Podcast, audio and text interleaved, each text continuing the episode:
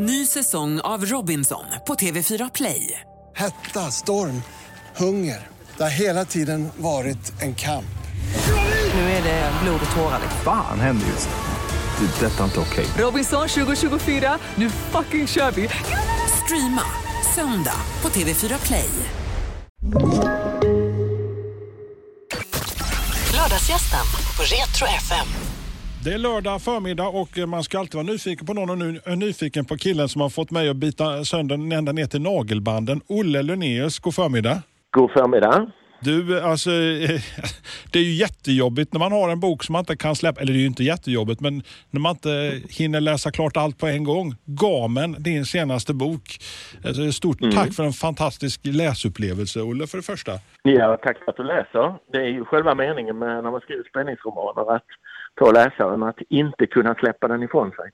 V- vad är det senaste du läste som inte du kunde släppa ifrån dig, Olle? Ja, alltså det är faktiskt ingen uh, spänningsroman i det avsnittet. Jag läste den här Lydia Sandbergs eh, samlade verk precis. eh, och den kom jag in i sådär så att jag inte kunde släppa. Det är ju ingen spänningsroman, men min läsning är, eh, även om jag själv skriver spänningsromaner så läser jag rätt blandat liksom. Det, jag, jag gillar liksom goda berättelser, sen kan de handla om lite av varje. Men, men den var sådär så att jag bara längtade efter att läsa den till slut. Lä- Läser du lika mycket som, alltså jag kommer ihåg att jag hade en period när jag var i tonåren, gymnasiet och där, som man läste så ofantligt mycket. Läser du lika mycket som när du växte upp, Olle? Det, det, det går väl mer i vågor. Jag kan ha så här intensiva perioder när jag läser mycket men sen så ibland så, så går det, är det längre mellanrum. Och jag tror det här hänger samman med att de perioderna när jag själv skriver på min roman. Jag, jag gör sådär att jag tar liksom ledigt några veckor från mitt vanliga jobb på Sydsvenskan eh, ibland eh, för att liksom verkligen gå in i den här romanen jag håller på med, storyn liksom, för att knyta ihop trådar. Och under de perioderna kan jag inte läsa någonting annat för att då vill jag vara i den här bubblan liksom, så att då kommer annat läsande i andra hand. Om du fick väl, blev tvungen att välja journalist eller författare, Olle? Som tur är så, som tur är så behöver jag inte välja. Nej, Det det men om jag, om jag tvingar dig till att välja? Nej, men jag får ofta den frågan sådär så, eh, eh, när jag har fått bra recensioner på mina böcker och sådär, men att inte sluta som journalist då. Men eh, jag tycker båda sakerna är fantastiskt roligt fortfarande, både att vara journalist och vara författare. Och dessutom så tror jag att de båda grenarna ömsesidigt befruktar varandra. Till exempel i den här, den här romanen Gamen som ju handlar om IS-jihadister, eh, terrorister. Så det är ju ett ämne som jag har skrivit väldigt mycket om som reporter på Sydsvenskan och granskat de svenska IS-jihadisterna, terroristerna. Man kan nästan säga att du får göra research på jobbet till boken också samtidigt så det går Ja. ha- hand i handske. Ja, men lite så är det faktiskt. Och, och det där är ju bra liksom för att eh, det känns ju bra att skriva en roman. En roman är ju i grunden en, en, en påhittad historia men den här romanen utspelar sig mot en dokumentär eh, bakgrund så att säga som jag kan väldigt mycket om.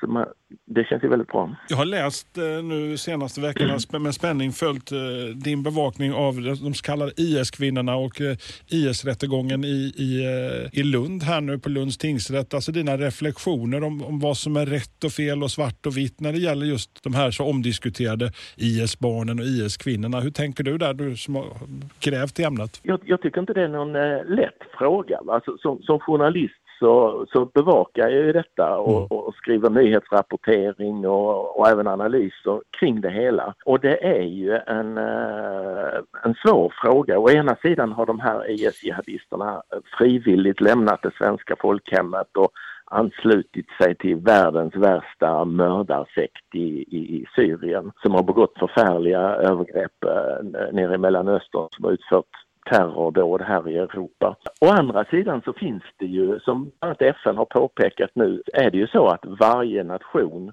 har ansvar för sina egna medborgare. Så den här frågan, ska vi hämta hem de här IS-svenskarna som nu sitter fång, fångna i kurdiska läger? Jag tycker den är genuint svår eh, och jag kan inte liksom bestämt ta ställning som är rätt och fel där. Och det är ju lite grann också fördelen med när man skriver en roman om det här ämnet, för jag behöver ju inte liksom i romanen ta ställning. Men däremot så kan jag skriva en berättelse där man genom den här berättelsen granskar, liksom undersöker frågor om skuld och moral och vad är rätt och vad är fel. Det är lite det som, som Simon, huvudpersonen, eh, i min bok Gamen. Han är alltså då en eh, svensk specialsoldat, eh, SOG-operatör, elitsoldat, som får i uppdrag att, att, att ta livet av en av de värsta svenska IS-jihadisterna nere i Syrien. Ett, ett, ett, eh, uppdrag som ju är politisk dynamit att att eh, ta livet av en svensk medborgare. Och i romanen låter jag honom brottas med alla de här frågorna, vad som är rätt och mm. fel och skuld och moral och så. Och sen kan ju läsaren själv få dra sina slutsatser, vad man tycker utifrån det. När du, när du har gjort eh, research till boken och när du har följt de här rättegångarna, alltså om, om du skulle beskriva de här genomsnittliga personerna som har tagit sig ner, eh, ner via Turkiet in i Syrien och bort till Raqqa och de områdena. Alltså, hur ser den genomsnittliga mm. IS-jihadisten ut som, som har rest iväg? Det är väldigt intressant för att eh, vi gjorde, eh, för ett år sedan gjorde jag en kollega på Sydsvenskan, eh, Kenan Habbo. Vi gjorde en stor granskning där vi eh, granskade i princip alla från södra Sverige som gav sig iväg mm. till, till, eh, till kalifatet. Tog fram deras bakgrund och vilka de var och sådär. Och, och det, det, mest slående är att det finns liksom knappast en enda gemensam nämnare. Vi hittade liksom folk som har vuxit upp i Rosengård och eh, under torftiga förhållanden, folk med gangsterbakgrund. Eh, men också, vi hittade till exempel eh, två killar från Lund som har vuxit upp i en trygg medelklassbakgrund i Lund som var, hade toppbetyg i skolan, gymnasiet, som pluggade på systemvetarlinjen i Lund och så plötsligt så ger de sig iväg till kalifatet. Den ena av dem blev eh, dödad där nere och den andra sitter nu i, i kurdiskt fängelse. Uh, så det finns liksom, och det var det mest slående, att det går inte att hitta en förklaring som passar på alla de här, för det spretar väldigt mycket. Det låter lite grann som uh, äventyret, som, som att en del söker den biten också. Ja, en del, för en del var det så. Nå, någon som vi pratade med som, som hade återvänt sa ju det öppet det. Han åkte ner för att eh, det här verkar vara rena vilda västern. Han var, eh, åkte ner för att, för att eh, delta i någon slags äventyr. Han var inte så särskilt religiös sa han utan det var mer det. Och, och, och, men sen så ångrade han sig snabbt och åkte hem på ett tidigt stadium, den killen. Andra var ju verkligen djupt religiösa och trodde på den här idén om att nu ska vi leva i ett eh, kalifat enligt sharia-lagar från stenåldern. Och, mm. liksom, eh, och, och det är fort, trots att jag har skrivit så mycket och granskat det här så mycket så är det fortfarande för mig helt obegripligt hur man, om man är uppväxt i det svenska folkhemmet med alla dess fel och brister förvisso, men ändå uppvuxen i det svenska folkhemmet, hur man kan ge sig iväg eh, och ansluta sig till, till ett sånt här skräckvälde.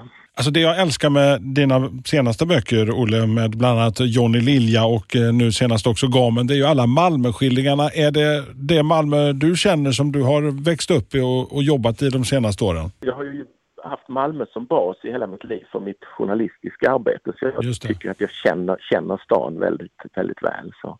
Ta till exempel Alis Kebab som vi besöker i, i Gamen. Finns det, mm. finns, finns, finns någon eh, riktig? Men jag gör ofta så att jag, jag, jag har eh, vissa, vissa saker i miljöerna eh, ska, ska läsaren kunna känna igen att eh, det här är exakt det här huset och denna gatan. Så andra, och det är fallet med Alis kebabhak då, eh, det är, vad ska jag säga, en sammansmältning av flera mm. olika kebabhak. Mm. Och man kan, man kan nog som läsare lista ut ungefär var det ligger och sådär. Men det mm. finns ingen exakt förebild till just det kebabhaket. Om man tar sig in i gamen som börjar eh, med en resa med Simon Olsson, då, sågoperatören som du, du berättar om som eh, har upplevt fruktansvärda händelser. Det kommer framgå ganska så tidigt att han och hans eh, stridspartner Ahmed har varit ner på det här hemliga uppdraget. Ahmed omkommer och sen börjar vi nysta baklänges. Finns det någon mm. uns av, alltså det som läsare var det första jag tänkte, har något av det här liksom hänt i Sverige eller någon annanstans? Liksom, finns, det, finns det någon uns av sanning eller är det liksom pure fiction? Det finns ju en dokumentär bakgrund till det här. Alltså, bara den händelsen att under några år här 2012 Eh, Eh, till 2015 så gav sig tusentals unga män och en del kvinnor från hela Europa iväg till det här skräckkalifatet för att ansluta sig till detta. Och då, då gjorde ju e, alla regeringar i EU, inklusive den svenska, väldigt tidigt klart att vi vill inte att de här människorna ska komma tillbaka hem igen. För om de kommer tillbaka här och det sa Säpo också väldigt tydligt, så kommer de att utgöra ett allvarligt terrorhot. Det finns risk att de utför terrorattentat i Europa när de kommer tillbaka för de har skaffat sig strids, stridsvana och, och, och, och, är motiverade att begå terrordåd. Så regeringarna sa så här, vi vill inte att de ska komma hem och det ser vi ju det som händer nu i nyhetsflödet. Regeringen vill ju fortfarande inte hjälpa dem som sitter fast där nere att komma tillbaka. Och sen så i den här vevan eh, 2016, 2017 så dök det upp eh, artiklar i fransk och brittisk press om att franska specialsoldater på marken nere i Syrien hade fått i uppdrag att söka upp franska medborgare, eh, IS-jihadister och döda dem. Och det där är ju liksom eh, politisk dynamit, att ett land skickar specialsoldater för att döda sina egna medborgare. De där, de där uppgifterna dök upp, de dementerades aldrig av franska regeringen. Det finns också uppgifter om att brittiska soldater har gjort likadant amerikanska specialsoldater har ju bevisligen dödat eh, egna medborgare i Mellanöstern. Inte minst den här eh, al-Qaida ideologen Anwar al-Awlaki som han tog livet av i Jemen. Och då mot den här bakgrunden så, så, så uppfinner jag då, eller skapar den här storyn att någon i Sverige får idén, ja men varför ska inte vi? Vi har ju också specialsoldater som är högt utbildade. Eh, SOG-operatörerna, eh, de, de, är de, liksom de tuffaste, de mest välutbildade, de hårdaste svenska elitsoldaterna vi har. Varför ska inte vi kunna söka upp de värsta svenska IS-jihadisterna och ta livet av dem? Och då får ju då Simon och hans kollega Ahmed i uppdrag att söka upp Osama Karim Atta i eh, Syrien. Och för, först har det här karaktären av ett underrättelseuppdrag. De ska söka upp honom och identifiera från honom. Eh, men i sista stund ändras uppdraget så att det blir en eh, a kill mission. De ska, ta, de ska döda honom. Och i efterhand, eh, den här operationen går åt skogen, men i efterhand så vet Simon inte var kom den där ordern ifrån. Det här är ju inget uppdrag som är sanktionerat av regeringen och inte ens av den högsta militärledningen. Men någonstans i etablissemanget så, så, eh, så, så kom den här ordern ifrån. Den här berättelsen är ju påhittad av mig så att säga. Jag, jag kan inte påstå att jag, jag, vet att just detta har hänt så att säga. Men det, den, den ligger så att säga i förlängningen på den dokumentära bakgrunden. Den, en tänkbar berättelse och därmed så tycker jag den är intressant att använda just för att undersöka frågor om skuld och moral och Simon i efterhand grubblar ju mycket. Var det, var det fel? Var det rätt? Och var kom den här ordern ifrån egentligen? Ny säsong av Robinson på TV4 Play. Hetta, storm, hunger. Det har hela tiden varit en kamp. Nu är det blod och tårar. Fan händer just det. Det är detta inte okej. Okay. Robinson 2024, nu fucking kör vi! Streama söndag på TV4 Play. Ett poddtips från Podplay. I podden Något Kaiko garanterar östgötarna Brutti och jag, Davva, dig en stor dos skratt. Där följer jag pladask för köttätandet igen. Man är lite som en jävla vampyr. Man har fått lite blodsmak och då måste man ha mer. Udda spaningar, fängslande anekdoter och en och annan arg rant. Jag måste ha mitt kaffe på morgonen för annars är jag ingen trevlig människa. Då är du ingen trevlig människa, punkt. Något kajko, hör du på podplay. Därför är gardinerna. På det sättet du beskriver eh, vad heter det, veteraner som har återvänt hem upplevt fasansfulla saker eh, i Syrien, mm. i Afghanistan och Irak och sättet eh, hantera där, alltså researchen för att krypa in under skinnet med sån här post traumatic stress disorder. Eh, har du träffat eh, veteraner eller liknande och så här, pratat med? Nej, jag, har haft, vad ska man säga, indirekta kontakter kan man säga. Jag kan inte säga mer än så. Och sen så har jag läst på allt mm. som finns att läsa. Eh, både, både det som är offentligt mm. men, men också eh, en del hemligt material om om, om just särskilda operationsgruppen SOG som det heter. Mm. Uh, hur de fungerar och så. Vi ska ju inte avslöja för det, vi vill att folk ska läsa gamen här nu. Men, men ja. eh, du snackar fristående, men finns det någon tanke att det här spåret kommer det fortsätta i någon framtida bok eller detta är lite? Eh, jag har skrivit den här som en, uh, som en uh, fristående roman, men jag har lite tankar som jag just nu brottas med om jag mm Uh, det finns möjlighet att göra någon uppföljning här. Jag har inte riktigt bestämt uh, om jag ska göra det nu eller om jag ska avvakta lite. Så. Uh, men det finns trådar att dra i här, det gör det. Du, jag glömde fråga dig, att vara författare och journalist under den här lite knäppa, knepiga tiden som vi har levt i det sista året med, med covid och, och corona. Hur har ditt journalistiska värv. Jag kan bara säga så här att jag, det, jag gillar ju de här härliga fysiska mötena och bara sitta och hålla på med mm. Facetime och telefoner. Hur, hur mm. var det för dig? Ja, nej men det är väl samma för mig som för, för alla andra. Det, det är ingen höjdare alltså. Jag, eh, som alla andra så är vi uppmanade att jobba hemifrån så mycket det går. Så att jag, jag sådär, åker in till eh, redaktionen varannan dag kanske eller sådär och, eh, och är ute så mycket jag kan och träffar folk. Men, men det, det är lite en våt filt som ligger över allting. Så det, det är det ju verkligen. Jag hoppas verkligen det kommer att ta slut snabbt här den här pandemin. Men du måste ha haft lite tid att reflektera över, som du säger, fram, framtida böcker. Hur, processen för dig, eh, när du kommer på att du ska skriva den här boken som vi gjorde nu, Gamen, i ljuset av, mm. av de senaste årens händelser nere i kalifatet. Alltså hur, hur börjar, hur börjar din, alltså din, ditt författarskap med en bok som till exempel Gamen? Jag, jag, jag skriver ganska intuitivt. Uh, alltså, det finns ju författare som bestämmer sig för nu ska jag göra den här berättelsen och så gör man ett eh, väldigt genomarbetat synopsis som man sen liksom fullföljer. Men för mig är det nästan tvärtom. Jag, jag börjar väldigt, eh, eh, jag har såklart en idé om vilken story jag vill berätta va? Och, i det här fallet är den såklart inspirerad av allt det jag har fått reda på när jag har som journalist jobbat med, med de här frågorna med terrorism och, och militära frågor. Men sen så måste jag på ett väldigt tidigt, jag har en idé om, om storyn, jag har en idé om karaktärerna, vilka de är. Men sen måste jag börja skriva på ett tidigt stadium för att någonting ska hända. Så min skrivprocess är väldigt mycket att jag börjar skriva och sen så fylls, så börjar efter ett tag så, så är det precis som att karaktärerna lite grann börjar leva sitt eget liv och, och styra mig också. Så att den där idén jag hade om vart berättelsen var på väg. Det kan bli så att karaktären plötsligt eh, under skrivprocessen börjar leva sitt eget liv och dra iväg åt något annat håll så att jag får ändra om min plan för vad berättelsen eh, går ut på. Och det där är en väldigt spännande process för man kan liksom själv bli lite överraskad under resans gång att uh, ja men just det, det, det här, så här måste det hänga ihop liksom. Jag, jag har liksom långt ifrån allting klart för mig. Jag, jag har liksom en idé om berättelsen och en idé om slutet men, men jag har långt ifrån hela berättelsen klar för mig när jag börjar skriva. Men jag måste sätta mig vid tangentbordet annars händer ingenting. Vad är det roligaste eh, eh, under processen? Alltså, alltså vilken del tycker du är den skojigaste?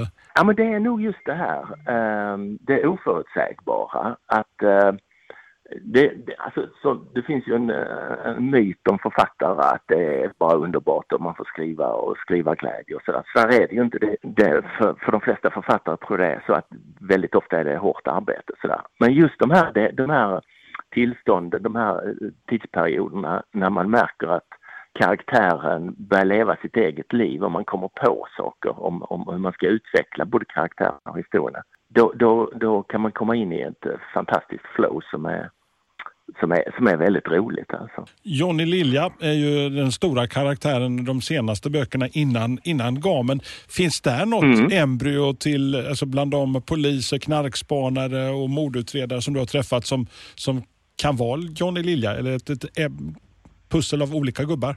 Det är också eh, ett, ett, pussel av olika gubbar kan man säga. Johnny Lilja, han, han, han är ju en, uh, han är den lustiga kombinationen, eller lustiga, tragiska kombinationen av en spelmissbrukande polis och en, uh, och, och, det är ju inte så lyckat. Och där, där jag har en halva förebilden till Johnny Lilja var en spelmissbrukare som jag känner till råkade ut för, för, för samma delvis samma saker som Johnny. Så vissa scener ur den uh, boken är på riktigt liksom. Men det, det, det, det, är sällan, eller det är aldrig som jag har en karaktär att det här är en blåkopia av en viss person utan mm. det är ofta liksom, man samlar på sig, eller jag samlar på mig skärvor, pusselbitar genom livet. Eh, det kan vara en händelse eller det kan vara en person jag stöter på som jag liksom sparar. Där kan jag skriva ner lite små anteckningar om en händelse som där kan vara något användbart. Till exempel vad det gäller Johnny Lilja så så, så, så stötte jag på en person som berättade om en spelmissbrukare som hade satt sig i skuld till fel, spel, fel personer. Mm. Och det slutade med att han fick ena fingret avhugget av, för, för att de skulle statuera, statuera exempel, de här personerna som, som han stod i skuld till. Och det där var en sån där, jag skrev ner den här berättelsen, bara väl några rader och så låg den länge och pyrde. Och sen så blev den en del i karaktären Johnny Lilja, liksom spelmissbrukaren, som dessutom är polis. Så det är ofta så mina karaktärer uppstår. Så är det även med, med Simon Olsson, huvudkaraktären här i, i Gamen, att man, man, jag samlar på mig liksom pusselbitar, händelser och sen så för man samman dem till en ny karaktär som sen under skrivprocessen också förhoppningsvis börjar leva sitt eget liv och fyller sig själv med mer kött och blod. I början när jag skriver så är kanske karaktären mer som ett skal och sådär och sen så händer det saker så att karaktären för mig och för läsaren så småningom fylls med mer och mer kött och blod och blir mer och mer levande. Det känns ju också som att många av dina berättelser, Johnny Lilja och Gamen inte minst sagt nu, känns som skrivna för Netflix, HBO. Finns det några sådana tankar? Eh, det finns inga konkreta planer eller sådär men jag hade naturligtvis inte, det var någon recensent som skrev eh, om, just om Gamen att det här måste ju bli film. Eh, men, och ja, det hade varit jätteroligt. Men det finns inga sådana planer ännu. Om du själv sitter och inspireras, alltså när vi pratade om böcker här tidigare, vad du alltså, serier och sånt alltså är, är ju ett sätt att få lite inspiration. Om du serieknarkar, vad går du igång på då? Jag tror, det var, jag tror att förlaget ah, skrev någonting om det i något reklamutskick. Alltså en serie som jag har varit helt hooked på det är den här franska Falsk identitet. Mm. Som handlar om franska underrättelsetjänsten eh, och, och massa extremt smarta spionintriger. Bland annat, bland annat är de i Syrien och konfronteras med IS där, de agenterna. Det, det, det, är det bästa som har gjorts liksom i den vägen på, på hur länge som helst. Och där kan jag väl säga att det, den har också varit lite sådär, lite inspirationskälla när jag har skrivit Gamen. Att uh, Eh, det är liksom lite i samma genre kan man säga. Vad, vad är för projekt på skriveriet på Sydsvenskan just nu? Vad har du för stora grävande grejer som du har på gång just nu? Vi håller ju på med, jag och en kollega, på nytt och granska IS. Bland annat har vi skrivit mycket om nu de, de här kvinnorna som kommer hem. Vi har följt den här rättegången mot eh, en, en, en kvinna från Landskrona väldigt ingående. Mm Uh, som vi har kallat Alma i tidningen. Hon heter någonting annat. Där man också, när de här sakerna når domstol uh, i Sverige, uh, de fallen som gör det, så får man ju liksom lite extra kött på benen. Vad var det egentligen som hände, så att säga, när de gav sig iväg. Så det blir lite sådär, man retro, retrospektivt får veta nu i rättsprocesserna, förundersökningar, en del av det som hände för fem, sex år sedan. Då. Så det, det håller vi på med nu och vi har ytterligare något projekt här framöver som vi drar i. Mm. Det, det, är ju så att äh, även om äh, IS-kalifatet på marken har äh, kollapsat för ett par år sedan och, och så, så, så, så, finns ju hela den här rörelsen kvar. Alltså de är ju, IS är ju mer aktivt än någonsin på sociala medier och sådär. De har inte kapacitet att genomföra stora planerade terrordåd som det som, eh, det var ju en Malmökille som heter Osama Krayem som nu sitter häktad i Bryssel som deltog i de här stora terrordåden i Paris. Eh, Bataclan och så vidare. Ja, just det. Ja, precis. Och Bryssel 2016.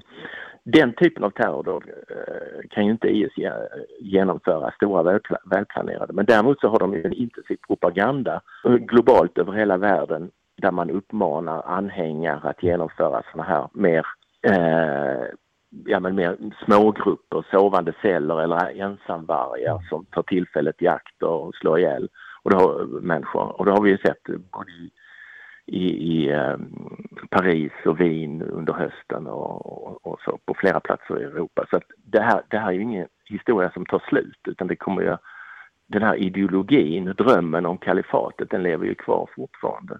Och det verkar som att de har blivit, inte minst som du beskriver det i boken, de har blivit mer och mer avancerade. Alltså de har en hög nivå när det gäller liksom hur de jobbar på, på nätet eh, mm. med kanske både the darknet och även det, det, det som ja. går via appar. Har du haft möjlighet att kika in i den världen lite grann alltså som journalist, Olle? En del har jag gjort. Uh, kikat där. Det finns en, eh, en forskare i Malmö eh, som heter Mikael Krona som har, eh, jag har skriv, skrivit en, en, flera artiklar om honom. Han har eh, under flera år följt Telegram, finns det en app som heter, som IS har varit väldigt aktiva i sin propaganda och där man har kommunicerat med varandra och sådär. Eh, e IS-anhängare över hela världen.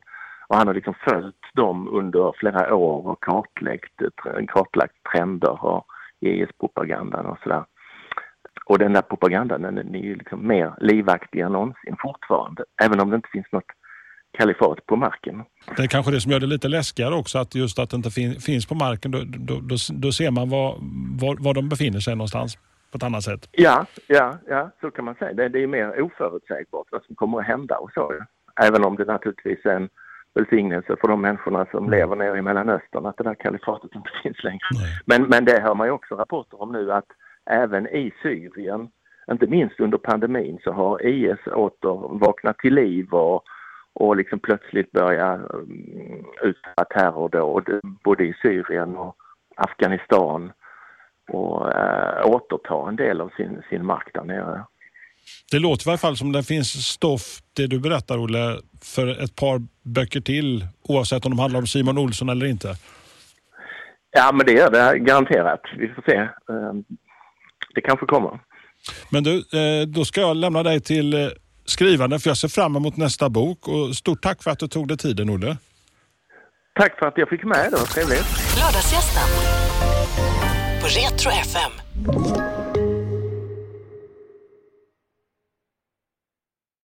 Ny säsong av Robinson på TV4 Play. Hetta, storm, hunger. Det har hela tiden varit en kamp. Nu är det blod och tårar. Fan händer just det.